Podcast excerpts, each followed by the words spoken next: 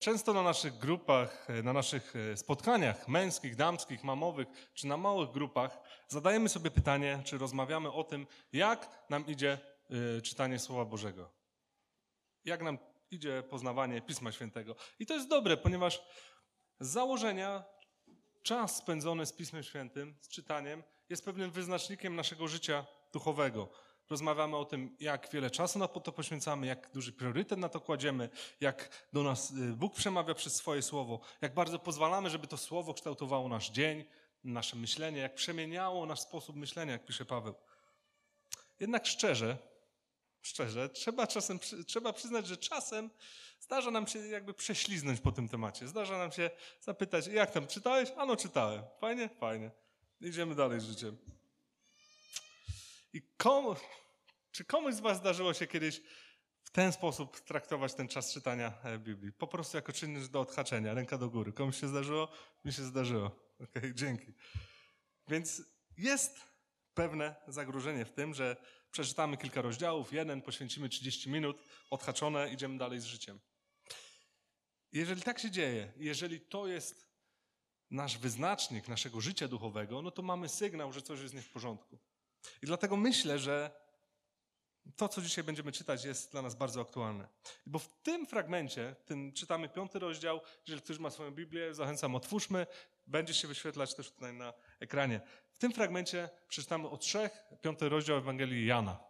Yy, czytamy o trzech grupach ludzi. Jedną z nich jest paralityk, jedną z nich jest Jezus, jedną z nich są Żydzi, ja będę ich nazywał faryzeuszami, czyli ludzie, którzy znają i czytają też Słowo Boże.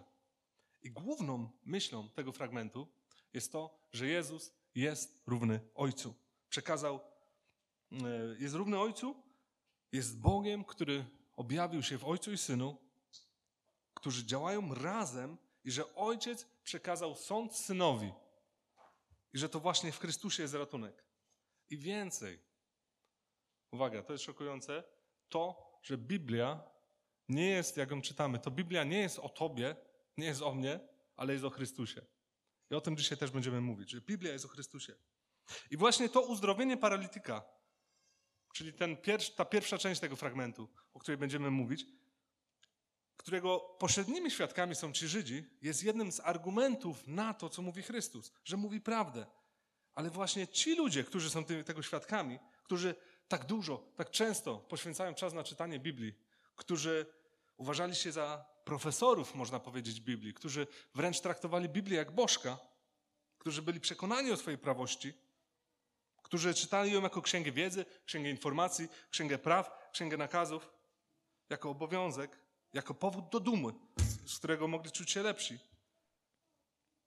Ale ci ludzie nie czytali, nie, nie, nie patrzyli na Biblię i na ten czas czytania jako czas rozmowy z Bogiem. Czas, w którym Bóg może przemawiać do ich serca.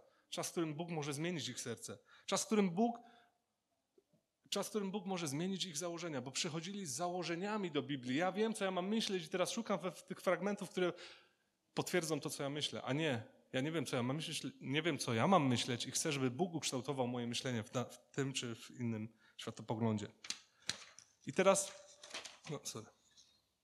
I przez to, przez to, że z takimi założeniami przychodzili do Biblii, czytamy o tym, że ci ludzie przeoczyli najważniejszą postać w Biblii.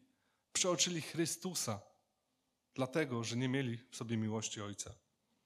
I tak jak wspomniałem, ten fragment jest o Jezusie i zarówno paralityk, jak i ci Żydzi są pewnym kontekstem, na którym objawia się chwała Chrystusa. I myślę, że tutaj zobaczymy wiele analogii między nimi a nami między tym, jak e, podchodzimy do Bożego działania, do Bożego charakteru, jak podchodzimy do studiowania Słowa Bożego. I dzisiejszy tytuł jest taki trochę clickbaitowy, taki, żeby może ktoś niego kliknął po prostu, jak będzie oglądał YouTube'a. Ale w tym kontekście y, odpowiemy sobie również na pytanie, czy warto czytać Biblię. I muszę przyznać, że jestem zaskoczony piosenką dla dzieci. Z jednej strony ona jest fajna, z drugiej strony ona jest taka właśnie trochę czytaj Biblię i wszystko będzie dobrze. Zobaczymy, czy o to tutaj chodzi. I zanim e, przejdę do omówienia tego fragmentu, tego pierwszego fragmentu, chciałbym przypomnieć, na czym, w którym miejscu Ewangelii Jana jesteśmy. poprzednim razem, gdy mówiłem kazanie z Ewangelii Jana, skończyliśmy czwarty rozdział. I czwarty rozdział można by określić jako zakończenie pierwszego etapu służby Jezusa, opisanej przez Ewangelię Jana. Te pierwsze cztery rozdziały zaczynają się, e, ta służba zaczyna się w Kanie Galilejskiej i tam też się kończy w tym czwartym rozdziale. W międzyczasie Jezus podróżuje do Samarii, podróżuje do Judei, do Jerozolimy i wraca do e, Gali, e, Kany Galilejskiej. I co ciekawe, w tej pierwszej części Jezus jest jakby opisywany w tak trzeciej osobie, tak trochę jest na, tak z drugiego miejsca, można powiedzieć. A teraz wchodzimy w piąty rozdział, zaczynamy jakby taki ten drugi etap służby Jezusa opisany w Ewangeliana, gdzie Jezus gdzie jest tak najbardziej najaktywniejszy, można powiedzieć.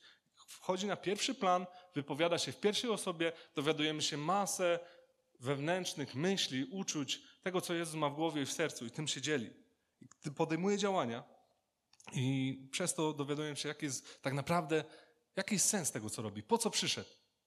I to prowadzi do konfrontacji z faryzeuszami, którzy chcą Jego śmierci, do czego dochodzi, czy, czy ta konfrontacja ma swój kres w tej ostatniej części od 12 rozdziału, kiedy Jezus jest ukrzyżowany. Przeczytam teraz e, od pierwszego do 18. Ewangelia Jana, piąty rozdział. Potem obchodzono żydowskie święto i Jezus udał się do Jerozolimy. A w Jerozolimie przy bramie owczej jest sadzawka zwana po hebrajsku Betesda. Otaczają pięć portyków. Ich cieni leżało mnóstwo chorych, niewidomych, ułomnych i sparaliżowanych, którzy czekali na poruszenie wody. W stosownym bowiem czasie anioł Pana stępował do sadzawki i poruszał wodę. Kto więc po poruszeniu wody pierwszy do niej wstąpił, odzyskiwał zdrowie, niezależnie od tego, co mu dolegało. Był też wśród nich pewien człowiek, złożony chorobą od 38 lat. Gdy Jezus go zobaczył i rozpoznał, że już długo nie domaga, zapytał, czy chcesz być zdrowy? Chory odpowiedział, Panie, nie mam człowieka, który by mnie tuż po poruszeniu wody wrzucił do sadzawki, a, a zanim ja sam dojdę, inny wchodzi przede mną. Wówczas Jezus polecił, wstań, zmień zaraz swe posłanie i zacznij chodzić. I chory natychmiast wyzdrowiał, złożył to, na czym leżał i chodził. A właśnie tego dnia był szabat. Żydzi, Żydzi nagabywali więc uzdrowionego. Jest szabat, nie wolno ci dźwigać posłania. Lecz on odpowiedział, ten, który przywrócił mi zdrowie, polecił, bym je złożył i zaczął chodzić. Kim jest ten człowiek? spytali. Kto ci to polecił? Lecz uzdrowiony nie wiedział, gdyż Jezus niepostrzeżenie oddalił się od zgromadzonego w tym miejscu tłumu. Potem, gdy Jezus spotkał go w świątyni, powiedział: Oto wyzdrowiałeś, nie grzesz więcej, aby nie stało ci się coś gorszego.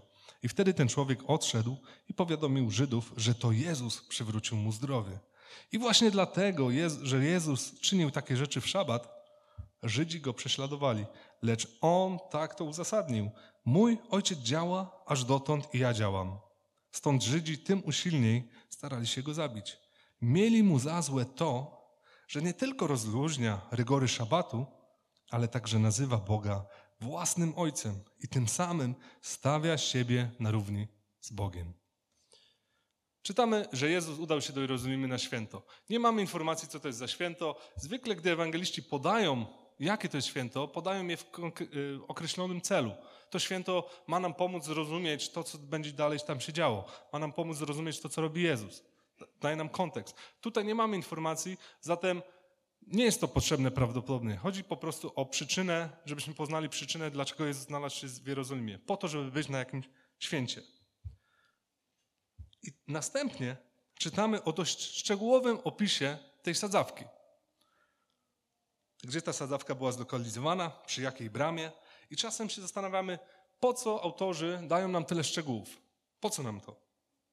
I myślę, że może dla nas nie jest to takie ważne, ale dla pierwszych odbiorców, dla ludzi, którzy to czytali, oni mogli być wcześniej w Jerozolimie, mogli, mogli widzieć tą sadzawkę, mogli widzieć tą bramę, mogli widzieć te pięć portyków i znali to miejsce.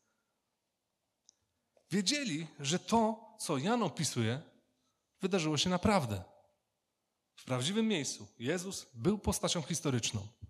Spotykał prawdziwych ludzi, rozwiązywał prawdziwe problemy w prawdziwych miejscach. To nie są przypowiastki, to nie są anegdoty, mądre powiedzenia. Jezus żył, nauczał, umarł i zmartwychwstał. I na tym opiera się nasza wiara. Jeżeli Chrystus nie zmartwychwstał, daremna jest nasza wiara, pisze Paweł. I ta historia wydarzyła się naprawdę.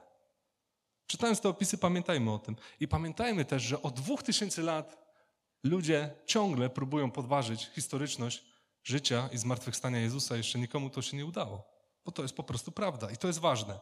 I dalej przechodzimy do bardzo ciekawego opisu sytuacji, że chorzy leżą wokół tej sadzawki, wokół tej wody. Czekają na poruszenie wody e, przez anioła. Kto pierwszy tam wejdzie, zostanie uzdrowiony.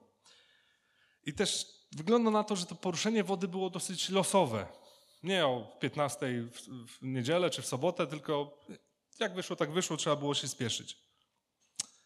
Nie wiem jak wy, ale ja czytając to miałem pewien dyskomfort. Co z tym zrobić? Co to jest za informacja? Gdzie ją osadzić?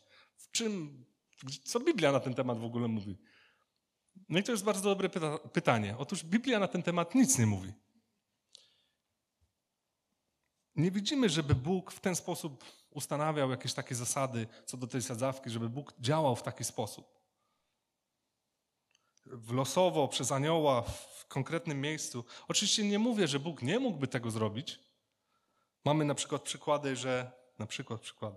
Mamy przykład Namana i Eliasza, gdzie Bóg wykorzystał wodę po to, żeby uzdrowić, ale to jest zupełnie inny kontekst. Ale tutaj to wygląda na pewne takie systemowe założenie, że Bóg, że anioł w tym miejscu tak działa. Moim zdaniem, Jan opisując tą sytuację, no nie, nie tylko moim zdaniem, bo komentarze, ale to tak lepiej zabrzmiało. Jan opisując tą sytuację, nie ocenia jej, a raczej opisuje wierzenia tych ludzi. Ci ludzie wierzyli, że ta woda rzeczywiście może ich uleczyć. I może dorobili do tego jakąś historię, jakąś, jakoś uduchowili to. Niektóre komentarze, niektóre komentarze sugerują, że może ta woda pochodziła z jakiegoś źródła termalnego, że to było, miało jakieś właściwości lecznicze, że jakieś minerały. I gdy było to poruszenie wody, było to jakieś bulgotanie, zachodziły jakieś reakcje chemiczne, które może rzeczywiście miały jakieś wartości lecznicze takie jak w sanatorium, coś takiego. W każdym razie nic raczej nie sugeruje, żeby to Bóg syłał anioła i przez to leczył. Raczej ludzie tak to sobie tłumaczyli, a nie Bóg. Na pewno nie znajdujemy tego w Jego słowie. Ale wyobraźmy sobie tę sytuację. Jesteśmy nad tą sadzawką, leżą ci chorzy, jest tych pięć portyków, przychodzi Jezus i podchodzi, wybiera jednego człowieka, do którego przychodzi. Do tego jednego paralityka. I dlaczego akurat do niego? Czy ten człowiek był wyjątkowy? Zobaczcie, ten człowiek nawet nie zna Jezusa. Nie rozpoznaje go, nie prosi Jezusa o cud. Może w tym, jak odpowiada Jezusowi, tkwi raczej prośba, żeby to może Jezus go zaniósł do tej wody, jak, jak się poruszy. Ten człowiek nie ma wiary, którą Jezus którą Jezus docenia w tak wielu innych przypadkach. Mówi, twoja wiara cię uzdrowiła. Tutaj tego nie widzimy. Niczym się nie wyróżniał ten człowiek. Poza tym, że przez całe życie nikt mu nie pomógł. Nie miał nadziei, nie było ratunku. Można powiedzieć, że ten człowiek był na dnie. To był może najgorszy przypadek. Ale Jezus właśnie takiego człowieka wybiera. I to nie jego wiara go uzdrowiła, ale suwerenna Boża decyzja, suwerenna Boża łaska. I później Jezus spotyka tego człowieka w świątyni i mu, mówi mu, żeby więcej nie grzeszył.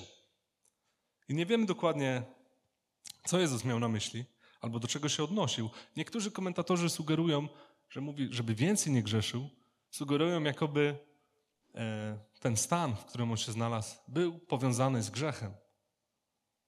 Mogło to być jakoś powiązane z jego grzechem. A może przez te 38 lat, kiedy był chory, trwał w grzechu. Nie wiemy tego, co dokładnie, ale wiemy, że Jezus daje mu jasne ostrzeżenie, że jeżeli będziesz grzeszył, to stanie się, może stać się coś gorszego. I w tej historii niesamowite jest to, tak naprawdę, że ten człowiek w ogóle się nie nawraca.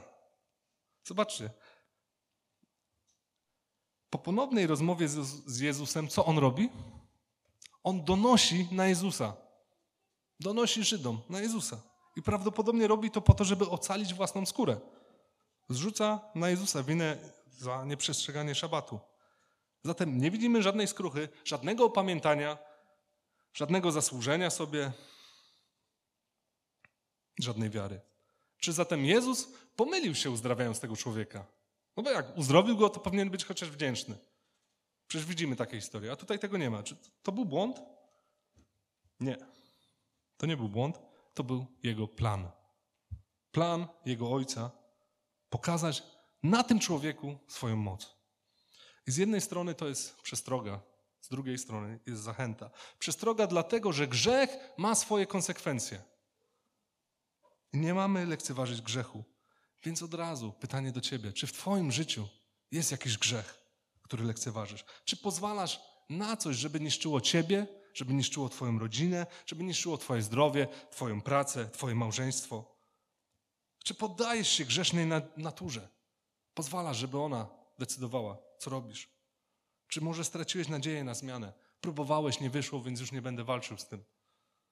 Jeśli tak, to jest przestroga dla ciebie. Grzech ma swoje konsekwencje, zarówno fizyczne, duchowe, emocjonalne, psychiczne.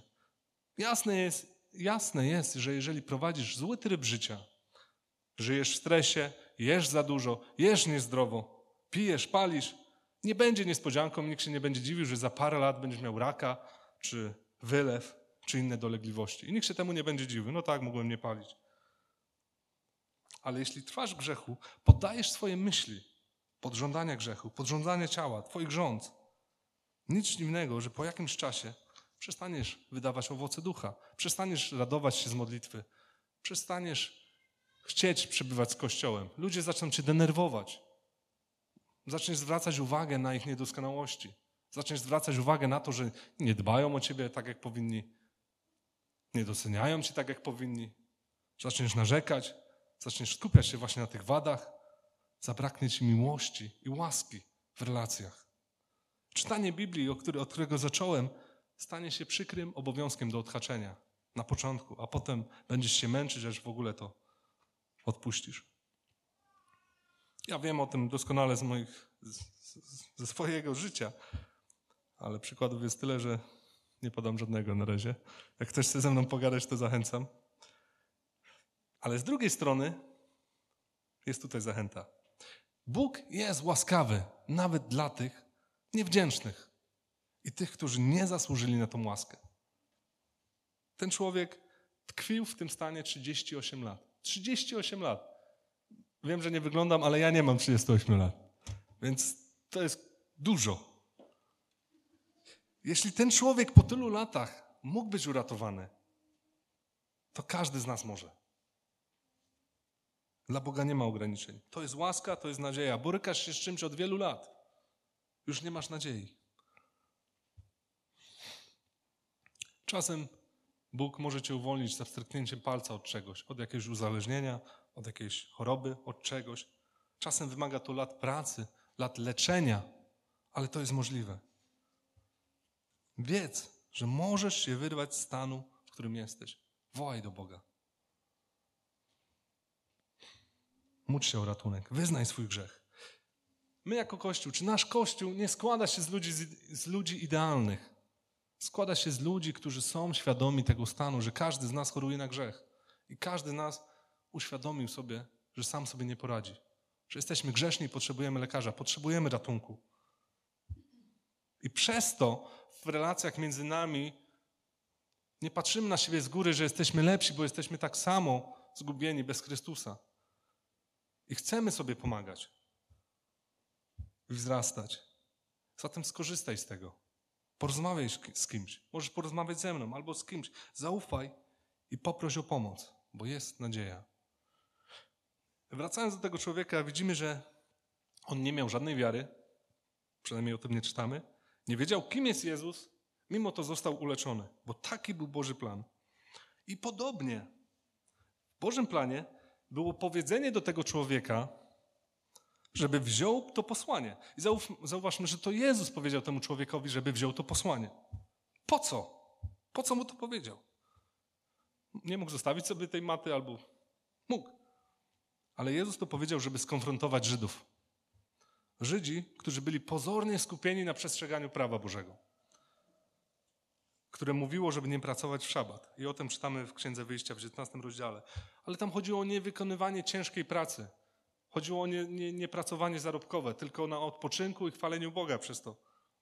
Jednak później jacyś ludzie, jacyś nauczy, nauczyciele wykrzywili to prawo, dołożyli do niego zasady, co, co, ile, jak, dołożyli jakieś miary, których Bóg nie nakładał. I teraz mamy tych ludzi, którzy są zapatrzeni tak naprawdę w czyjąś interpretację tego prawa, w czyjąś interpretację Słowa Bożego, a nie w samo Słowo Boże. Oskarżają tego człowieka, że nosi tą matę w szabat, a ten to zrzuca na Jezusa. Zatem oni oskarżają Jezusa. I myślę, że czytając tę historię, od razu uderza nas to, że ci ludzie są świadkami cudu. Człowiek, który przez prawie 40 lat nie chodził, nagle, nagle zaczyna chodzić. Oni tego nie widzą, bo skupiają się na, na, na, na szabacie. To jest dla nas szokujące. Jak oni, to, jak oni mogą tego nie widzieć? Jak mogą się zachować? I to jest jasne. Ale to, czego może tak naprawdę nie widzimy, to to, że ta historia tak naprawdę jest tylko wstępem. Jest przeciągiem do tego, co tak naprawdę jest ważne. Ważne natomiast jest to, co mówi i to, co robi Jezus. Bo Jezus mógł zaczekać uzdrowieniem tego człowieka do następnego dnia. Mógł? Czy nie mógł? No mógł. Mógł uzdrowić go bez zwracania na siebie uwagi. I co mógł jeszcze zrobić? Mógł nie mówić mu, żeby wziął tą matę. Ale to zrobił.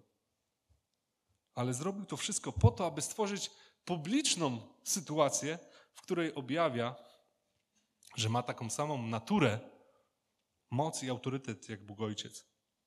I mówi: Mój ojciec działa aż dotąd i ja działam. Jest to wspaniałe zdanie, które tak wiele mówi o tożsamości Jezusa, o jego doskonałej jedności z Ojcem. O tym, że jest Panem Szabatu, jak nazywają go inne Ewangelie. Że Bóg w szabat działa. Bóg nie przestał podtrzymywać świat przy życiu w szabat. Bóg działa w szabat. Tak samo i Jezus działa w szabat, uzdrawia w szabat, bo jest na równi. Bo jest przedłużeniem Ojca. Działa i ratuje ludzi. I zobaczcie, Żydzi dokładnie rozumieli, co mówi Jezus. Że nazywa Boga Ojcem, że stawia siebie na równi z Bogiem, że mówi o sobie, że jest Bogiem. I my jako Kościół stoimy właśnie na tym fundamencie, na tej skale, którym jest Chrystus. Dla Żydów była to herezja. Dla, dlatego chcieli go zabić. I kolejne wersety tego rozdziału są odpowiedzią Jezusa właśnie do tych zarzutów. Odpowiada, mówiąc o działaniu Jego Ojca i razem, o działaniu razem, o życiu wiecznym, o świadectwie, które za nim stoi i o tym, że oni odrzucają to wszystko. I czytamy od 19 do 31. W odpowiedzi, w odpowiedzi na te zarzuty Jezus stwierdził: Ręczę i zapewniam, syn sam od siebie nie mógłby nic czynić, gdyby nie widział, że czyni to ojciec. Cokolwiek bowiem on czyni, syn czyni w ten sam sposób, bo ojciec miłuje syna i pokazuje mu wszystko, co sam czyni. I dla wzbudzenia waszego podziwu pokaże mu dzieła jeszcze większe od tych. Gdyż jak ojciec wzbudza umarłych i przywraca życie, tak syn ożywia tych, których chce. Ojciec bowiem nikogo nie sądzi, lecz wszelki sąd przekazał synowi, aby wszyscy czcili syna tak, jak czczą ojca. Kto nie czci syna, ten nie czci ojca, który go posłał. Ręczę i zapewniam, kto słucha mego słowa i wierzy temu, który mnie posłał, ma życie wieczne i nie czeka go sąd, ale przeszedł ze śmierci do życia. Ręczę i zapewniam, zbliża się godzina, a właściwie nadeszła, gdy umarli usłyszą głos Syna Bożego i ci, którzy go usłyszą, ożyją. Gdyż jak ojciec ma życie sam w sobie, tak sprawił, by i syn miał życie sam w sobie. I powierzył mu władzę sprawowania sądu, ponieważ jest on synem człowieczym. Nie dziwcie się temu. Nadchodzi godzina, kiedy wszyscy w grobach usłyszą jego głos i wyjdą, którzy czynili dobro, aby powstać do życia, a ci, którzy postępowali podle, aby powstać na sąd. Ja sam z siebie nic nie mogę czynić. Sądzę według tego, co słyszę, a mój osąd jest sprawiedliwy. Zabiegam bowiem nie o spełnianie swojej woli, lecz woli tego, który mnie posłał. I te wersety są niesamowite pod kątem głębi teologicznej. Można by o nich, o tym mówić godzinami. Ja chciałbym wyciągnąć najważniejsze punkty. Po pierwsze, Jezus zapewnia, że nie jest niezależnym Bogiem, innym Bogiem, ale jest w pełnej harmonii z Ojcem. I co więcej, Jego działanie jest doskonałym obrazem działania Ojca. I dzieło, którego dokonał Jezus, było tego samego rodzaju, co dzieło Jego Ojca. Zapewnił wyzwolenie i nowe życie sparaliżowanemu człowiekowi, tak jak Ojciec zapewnia zbawienie tym, których związał grzech. I dzisiaj, gdy my myślimy, myślimy o Ojcu i myślimy o Synu, tak ogólnie, to mamy na myśli dwie różne osoby. Tak byś, jakby tutaj stanął przy mnie mój syn, Tytus, to byście widzieli, że to jesteśmy zupełnie dwiema różnymi osobami. Szczególnie, że wyglądamy zupełnie inaczej. Ale w tym starożytnym umyśle twórcy, czy Jana, czy też odbiorców, oni kojarzyli, oni myśleli inaczej o, o ojcu i synu. Myśleli o, o tym, że syn jest niejako przedłużeniem swojego ojca. Słowo to kojarzyło się raczej z identyfikacją z ojcem niż z odróżnieniem od niego. I starożytni uważali za dobrego syna takiego, który idzie dokładnie śladami ojca, który go naśladuje, jest wręcz jego kopią. Widzimy więc w tym kontekście, że Jezus jest przedłużeniem swojego ojca i dzięki temu ma legalność do, do mówienia tych rzeczy, do sprawowania tych rzeczy. Nawet w szabat. I z, chciałem zwrócić uwagę na kilka aspektów, kilka mm, myśli, czy faktów, które Jezus podkreśla, w czym jest równość między nimi, między Ojcem a, a Synem. Czytamy w werset 19. Są równi w działaniu. Werset 20. Równi w wiedzy, w poznaniu. Werset 21, 28, 29. Równi w zmartwychwstaniu, we wzbudzaniu do życia. Werset 27. Równi w sądzie. 23. Równi w chwale. 24, 25. Równi w odrodzeniu. 26. Równi w życiu. Więc widzimy, jak wiele Jezus mówi o tej równości. Jednak mimo, że są równi, w jedności nie są identyczni. Mamy tutaj różne role. Jest ojciec i jest syn. Mówimy o trójcy, więc jeszcze oczywiście jest Duch Święty, chociaż w tym fragmencie o tym nie mówimy. Ojciec i syn mają różne role. Ojciec i syn dają życie, ale to synowi ojciec powierzył, powierzył cały sąd. I powodem, dla którego ojciec powierzył sądzenie synowi, jest to, aby wszyscy mogli czcić syna tak, jak czczą ojca. I zwykle, gdy następuje jakaś hierarchia, to, co jest niżej, ma mniejszą chwałę, mniejszy honor niż to, co jest wyżej. Tutaj jest inaczej. Ojciec zagwarantował, że Jezus ma, taką, ma otrzymać taką samą cześć, jak on sam, powierzając całkowicie jemu rolę sądzenia. Dlatego brak czci syna odzwierciedla brak czci ojca. I odwrotnie, oddawanie czci synowi jest oddawaniem czci ojcu. Bóg, Bóg jest Bogiem zazdrosnym i nie będzie dzielił swojej chwały z nikim innym.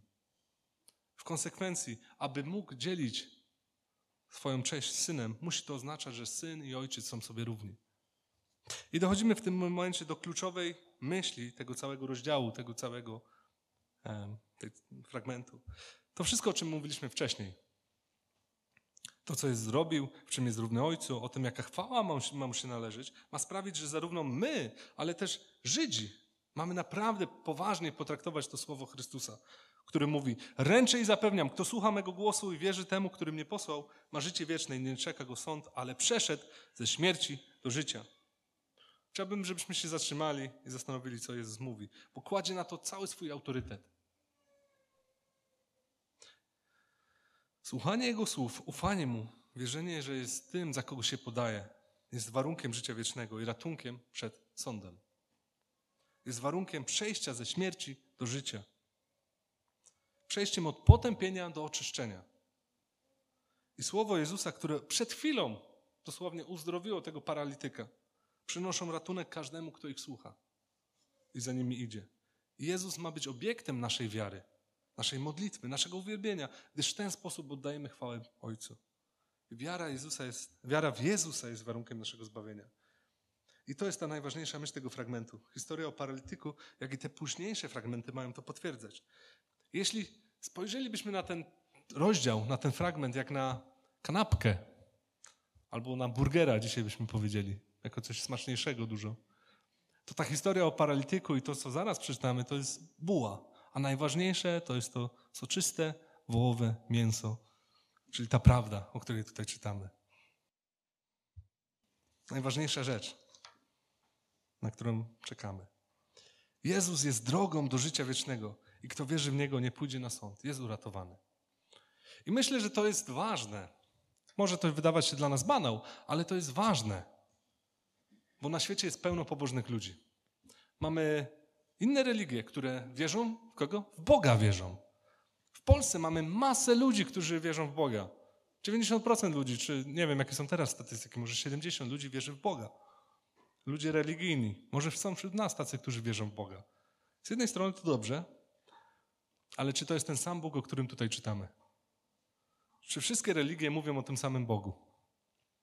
Nasz Bóg objawił się w Chrystusie i mówi, że nie ma żadnej innej drogi do Ojca, jak tylko przez Syna. Zatem jeśli ktoś wierzy w Boga, a nie wierzy w Syna, nie wierzy w Chrystusa i nie oddaje Mu chwały jako Bogu, Zbawicielowi, który jest jedynym ratunkiem, to nie jest to ten sam Bóg. Zatem gdy ktoś powie wam następnym razem, wszyscy jesteśmy braćmi, bo wierzymy w jednego Boga, w tego samego Boga, Zapytajcie, czy mają na myśli Chrystusa. Co myślą o Chrystusie? Kim jest Chrystus? No, może jest prorokiem, może jest mądrym człowiekiem. To znaczy że to nie jest ten sam Bóg. I teraz przechodzimy do trzeciej części tego fragmentu. I to jest ciekawe, bo Jezus występuje jakby tam, e, przemawia jakby w sądzie. Przemawia, mówi argumenty, które mają być świadectwem, że to, co mówi i robi, jest prawdą. I ten wywód ma podkreślić właśnie tą główną myśl, o której powiedzieliśmy. I w zasadzie przywołuje świadków, którzy o nim świadczą. Odwołuje się do biblijnej zasady, że potrzeba co najmniej dwóch świadków, a on daje czterech. Od 31. Jeśli ja świadczę o sobie, moje świadectwo nie jest wiarygodne. Czyli jedno świadectwo to jest za mało. Co najmniej dwa. Świadczy o mnie jednak jeszcze ktoś inny i wiem, że świadectwo, które mnie składa, jest prawdziwe. Wy posłaliście do Jana, i on złożył świadectwo prawdzie. Mnie nie chodzi o świadectwo człowieka. Mówię jednak o tym, abyście wy byli zbawieni. Jan był lampą, która płonie i świeci. Wy zaś przez pewien czas chętnie korzystaliście z jego światła. Ja jednak mam świadectwo większe niż to, które wystawił mi Jan. Otóż dzieła, które podejmuję, a których wykonanie zlecił mi ojciec, one świadczą, że od niego przychodzę. Także ojciec, który mnie posłał, złożył o mnie świadectwo. Wy Jego głosu nigdy nie usłyszeliście, ani Jego postaci nie zobaczyliście i nie ma w was miejsca dla Jego słowa. Nic więc dziwnego, że nie wierzycie temu, którego On posłał. Zagłębiacie się w Pisma, gdyż wam się wydaje, że macie w nich życie wieczne, a tymczasem one składają wyraźne świadectwo o mnie. A jednak nie chcecie przyjść do mnie, aby mieć życie. Widzimy, pierwszym, świadectwem, pierwszym świadkiem jest Jan Chrzciciel. I dla mnie to jest zadziwiające.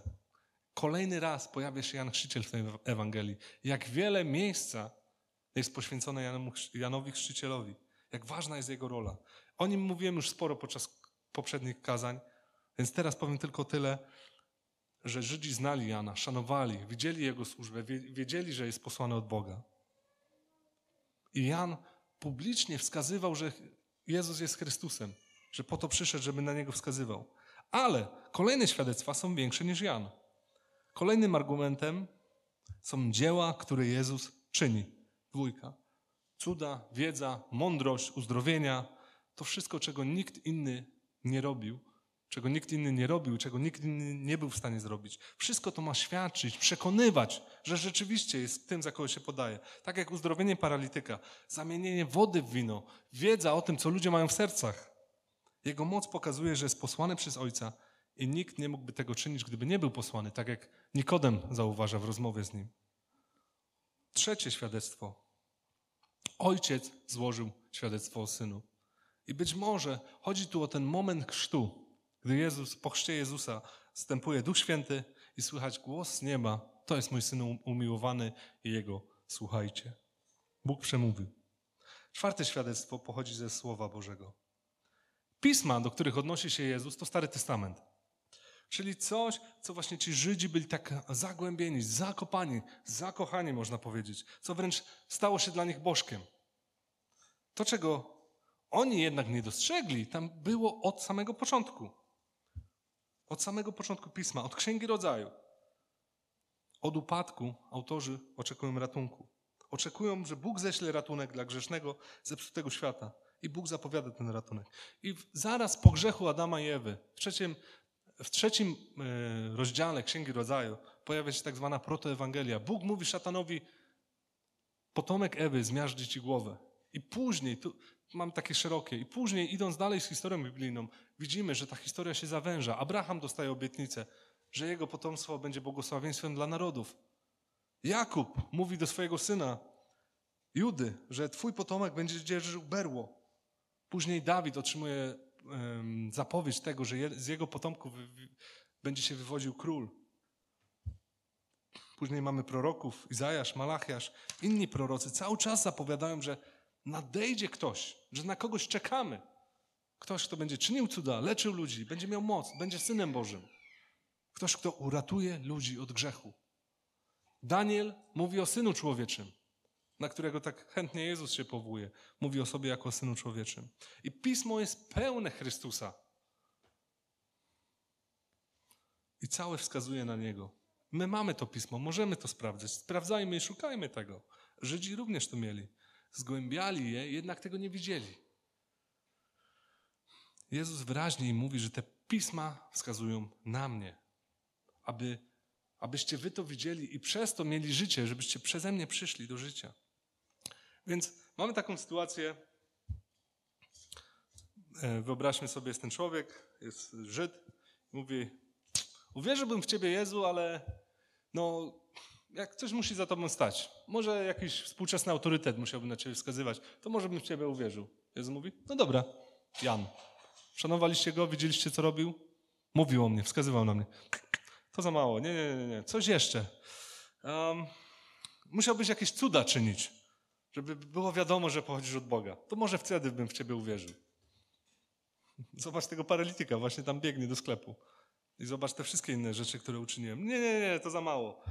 Um, jakby mi tu Bóg przemówił, to może wtedy bym w ciebie uwierzył. To się wydarzyło. Nie, nie, to za mało. Jakby e, w Biblii jakby gdzieś by było na, na ciebie wskazywało, to może bym w ciebie uwierzył. Mamy to? I czytając ten fragment, zastanawiam się, dlaczego Jezus tak, tak tyle uwagi temu poświęcił. Tyle uwagi poświęca na, na uzasadnienie swojego pochodzenia, swojego autorytetu. I odpowiedź nie jest taka trudna, bo to jest po prostu ważne. Bo jeśli za nim stoją te świadectwa, mówią, że to, co mówi i robi, jest prawdą, to lepiej zacząć słuchać tego, co mówi. I lepiej się skupić na nim, a nie na jakichś szczegółach, nie na rodowodach, nie na, na patrzeniu na Stary Testament pod jakimś kątem, jakichś słów czy rzeczy, które nie, nie dadzą zbawienia. I jak to jest z nami? Czy my czasem nie jesteśmy tacy? Czy nie byliśmy podobni do Żydów w tej kwestii? Jest nam dobrze z naszym życiem, z naszymi przekonaniami. Nie chcemy czegoś zmieniać. My widzimy, że może nie żyjemy tak, jak powinniśmy. Mimo, że widzimy, że jest grzech. Ale tak sobie myślimy, Boże, jakbym tu piorun z jasnego nieba strzelił, to bym uwierzył, że, że Ty tego chcesz. Albo no właśnie, na co czekamy? I czasem Bóg działa w nadzwyczajny sposób. Czasem pozwala, żeby na nas spadły te konsekwencje grzechu, o których mówiliśmy. Choroba, ból, strata. I czasem używa, używa tego, żeby nas uratować. Doprowadza ludzi do stanu, gdzie są, gdzie już nic nie mogą zrobić, zaczynają się zastanawiać, zaczynają szukać ratunku i przez ten ból znajdują ratunek w Chrystusie, a czasem nie. Jezus powiedział do paralityka: idź i nie grzesz więcej. I może uzdrowienie tego człowieka miało być tym bodźcem do zmiany. I my, my tak sobie myślimy: trwam w jakimś grzechu, jestem uzależniony od czegoś. I to, albo jestem chory na coś, i to przysłania mój cały horyzont. I myślę sobie: Boże, jeżeli ty tego nie zabierzesz, to ja nie mogę, nie mogę iść za tobą. A jak to zabierzesz, to na pewno za tobą pójdę. Jak ten grzech, który mnie tak doskwiera, zabierzesz, to wtedy będę ci ufał. Ja sam miałem taką sytuację i w ten sposób myślałem, że gdyby, gdyby tylko to zniknęło, to już wszystko z moim życiem będzie w porządku, już będę w stu procentach szedł za tobą. Ale zobaczmy tutaj, mam tę historię tego paralityka. Może on myślał w ten sam sposób. Bóg go uzdrowił i co? I nic. Pierwsze, co robi, to donosi na Jezusa. Widać, że jego serce nie było przemienione. I jeśli macie takie oczekiwania, to przestańcie się oszukiwać, że, że gdyby coś jeszcze się wydarzyło, to byście uwierzyli albo zaufali Bogu. To nie jest kwestia Jego działania, to jest kwestia naszego kamiennego, upartego serca. Dokładnie jak u tych Żydów. On zrobił już wszystko. Przemówił przez proroków, przez pismo. Dokonywał cudów. Umarł i zmartwychwstał. I jeśli tego słuchasz, to też mówi do ciebie dzisiaj. Daje ci szansę, opamiętaj się, odwróć się od tego, w czym jesteś, w czym tkwisz. I naprawdę mu zaufaj. Nie masz wymówki, żeby mu nie wierzyć. Nie wmawiaj sobie wymówek, że masz. I przechodzimy do ostatniego fragmentu. Od 41 do końca. Nie przyjmuję chwały od ludzi. Przekonałem się jednak, że wy nie macie w sobie miłości Bożej. Ja przyszedłem w imieniu mego Ojca, a wy odmawiacie mi przyjęcia. Przyjmiecie jednak innych, którzy przyjdą we własnym imieniu. Jak możecie uwierzyć wy, którzy u siebie nawzajem szukacie uznania? A nie, należy wam, nie zależy wam na uznaniu pochodzącym od samego Boga, przestańcie sądzić, że to ja będę was oskarżał przed Ojcem. Waszym oskarżycielem będzie Mojżesz, w którym pokładacie nadzieję. Gdybyście bowiem wierzyli Mojżeszowi, wierzylibyście i mnie, gdyż on napisał o mnie. Jeśli jednak jego pismom nie wierzycie, to jak możecie uwierzyć moim słowom? Więc Jezus podsumowuje tą całą sytuację.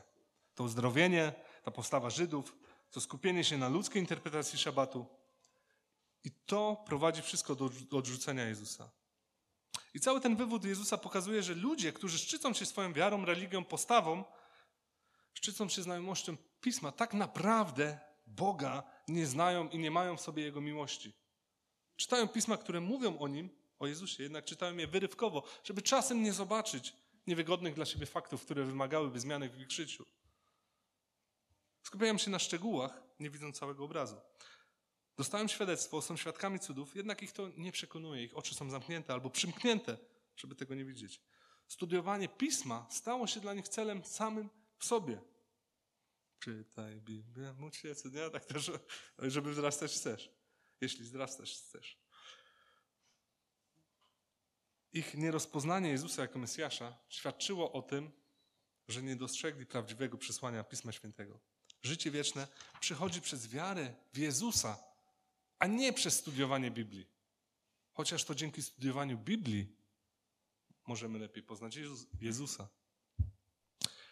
Słyszałem o takim schorzeniu mózgu, gdzie człowiek e, nie potrafił widzieć całego obrazu.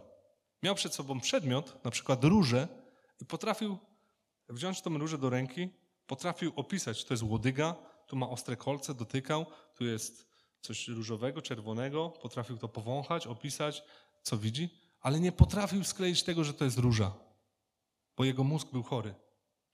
I tutaj mamy podobnie. Oni nie widzą na to, co wskazuje na Chrystusa, ale mają schorzenie nie mózgu, tylko schorzenie serca, grzech i odrzucają Jezusa. I Jezus wyjaśnia, że tak naprawdę oni szukają swojej własnej chwały.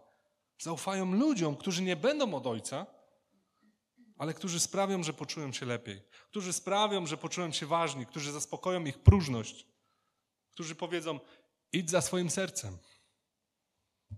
Zaufaj sobie. To, co czujesz, jest najważniejsze. Wszystko masz w sobie. Jesteś idealny, jesteś zwycięzcą. Ważne, żebyś czuł się szczęśliwy. Znamy to chyba dzisiaj. Ja właśnie wróciłem, w tym tygodniu byłem na dwóch konferencjach, swoją drogą bardzo fajnych, merytorycznych, ale na obu konferencjach był, było po jednym wykładzie z tak zwanego mentalu, gdzie ludzie poświęcili czas, jak być silnym psychicznie w biznesie. I wiecie, co mówili? Dokładnie to, jesteś zwycięzcą. Budź się i my, gdy się budzisz, myśl pozytywnie. Wszystko masz w sobie, tylko odkryj, zaufaj sobie. To jest dokładnie to, co dzisiaj mówi nam świat. Mądrzy ludzie, którzy naprawdę potrafią w jednej ręce trzymać mądrość, skuteczność w biznesie, potrafią naprawdę dobre rzeczy robić, a w drugiej, rzecz, z drugiej strony są tak zagubieni, idą za takimi bzdurami. I wracając do Żydów, Jezus dokłada kolejny ciężki argument o tym, że prawo, że Mojżesz wskazują na niego. Tak jak mówiłem, cała historia Biblii, cała historia Izraela wskazuje na to, że człowiek jest grzeszny, potrzebuje Zbawiciela. I Mojżesz jak chyba nikt inny wiedział, że to lud jakiego karku, pamiętacie? Twardego, twardego karku. I to nie chodzi tylko o Izrael. Myślę, że my też, każdy z nas się wpisuje. lud twardego karku i nie jest w stanie przestrzegać prawa, ten lud. I potrzebuje Zbawiciela. Innymi słowy, Bóg od początku wskazywał na Chrystusa. Prawo, które pokazywało na grzech, miało ostatecznie prowadzić do Chrystusa. I ludzie, którzy żyją pod prawem, zostaną przez nie osądzeni, jak czytamy w liście do Rzymian. Prawo wskazuje na grzech i wskazuje, że żaden człowiek nie jest w stanie go pokonać czy zaspokoić prawa. Prawo wskazuje i oczekuje na potrzebę doskonałej ofiary, która dostępna jest tylko w Chrystusie. Więc jeśli odrzucamy ofiarę Chrystusa, wciąż jesteśmy winni, ponieważ nikt nie jest w stanie oczyścić nas od grzechu. Jezus podkreśla kolejny raz, że Mojżesz wiedział, gdzie jest ratunek. Ratunek jest w Chrystusie. I już lądując, przechodząc do wniosków. Cała historia rozpoczęła się od tego, że Jezus świadomie wybrał do uzdrowienia jednego człowieka z wielu chorych. Człowieka, można powiedzieć, w najgorszym stanie. Człowieka, którego nie znał, człowieka, który nie miał wiary, który sobie nie zasłużył na to uzdrowienie. Jednak to była suwerenna Boża decyzja. Uzdrowił go w szabat i kazał mu nieść swoją matę, czym świadomie sprowokował Żydów, którzy byli skoncentrowani na jakiejś interpretacji szabatu. Jednak to wszystko wydarzyło się po to, żeby Jezus mógł wykazać, że działa tam, gdzie działa Ojciec. Również w szabat, że jest równy Ojcu że w Nim jest ratunek. I zarówno Żydzi, tak jak i odbiorcy tej Ewangelii, i my jesteśmy przez to skonfrontowani z pytaniem, które przedstawił, czy, czy argumenty, które przedstawił Jezus, teraz wiem, że mnie słychać. Dobrze mówię, Janek? Janek mi powiedział na początku, żebym mówił wprost do mikrofonu. Czasem o tym pamiętałem, ale słyszę różnicę. Więc wracając do tego pytania, jesteśmy skonfrontowani z pytaniem, czy argumenty, które przedstawił Jezus, wystarczą nam do wiary w Niego? Czy zaufamy Mu? Czy widzisz, że Jezus ma moc wyrwać cię z tego stanu, w którym jesteś? Z tego grzechu, w którym jesteś?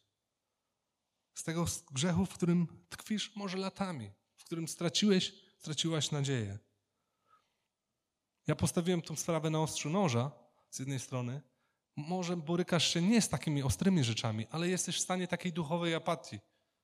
Może życie z Bogiem przestało być ekscytujące, może czas czytania to jest właśnie taka udręka, gdzie Bóg nie przemawia, robię to, bo wypada, bo mi zapytają na grupce.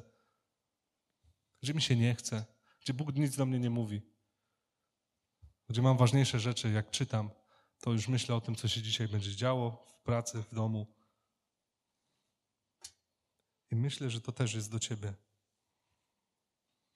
Kiedy brakuje tej iskry, brakuje tego ognia. Pytanie, czego ci brakuje? Na co czekasz? Czego potrzebujesz, żeby mu zaufać? Co się jeszcze musi wydarzyć? Musisz wiedzieć, że Bóg cię kocha i chce ci pomóc? Ta cała historia o tym mówi, całe słowo o tym mówi. Ja ci o tym mówię. Bóg cię kocha i chce ci pomóc. I mimo, że ta historia, którą opowiadam ten cały, e, to całe kazanie, mam wrażenie, że jest takie do, dosyć ostre, to jednak jest to historia miłości. Historia, która mówi o tym, że Bóg chce cię wyciągnąć z tego stanu, że chce ci dać życie. Czekasz, a może właśnie, a może czekasz na to, aż ktoś cię skonfrontuje, ktoś ci zada dobre pytanie. Takie, wiecie, bo na grupce różnie bywa, ktoś mnie zapyta o to, ktoś mnie zapyta o to, a akurat o to mnie nie zapytał, więc mu nie powiem. Jakby mnie zapytał, bym powiedział, a tak nie zapyta, to nie powiem. Zatem ja pytam, konfrontuję. Czego nie mówisz? Co ukrywasz? Przestań. Przestań w tym trwać i stań w prawdzie. Czy czytając Słowo Boże dostrzegamy, że Jezus jest główną postacią nie tylko Nowego, ale też Starego Testamentu, jest główną postacią Biblii. I pytanie, po co w ogóle czytamy to Pismo Święte? Żeby być znawcą, żeby mieć wiedzę, żeby czuć się lepszym? Jeśli tak, to zachęcam Cię, módl się, aby Bóg zmienił Twoje serce. Zacznij czytać tak, aby rzeczywiście poznawać Boga w Jego Słowie, po to, żeby On przemieniał Twój sposób myślenia, żeby On kształtował Twój światopogląd. Zacznij szukać właśnie, gdzie Chrystus jest obecny. Więc lądując i odpowiadając na pytanie z tytułu kazania, czy warto czytać Pismo Święte? Co odpowiecie po tym, co powiedziałem? Tak, warto. Odpowiedź jest banalna, zawsze warto. Jednak pamiętajmy, że to nie czytanie Pisma Świętego daje życie, ale dostrzeganie tego i wiara w tego, o kim jest to Pismo. Syna Jezusa Chrystusa, który jest idealnym obrazem Ojca.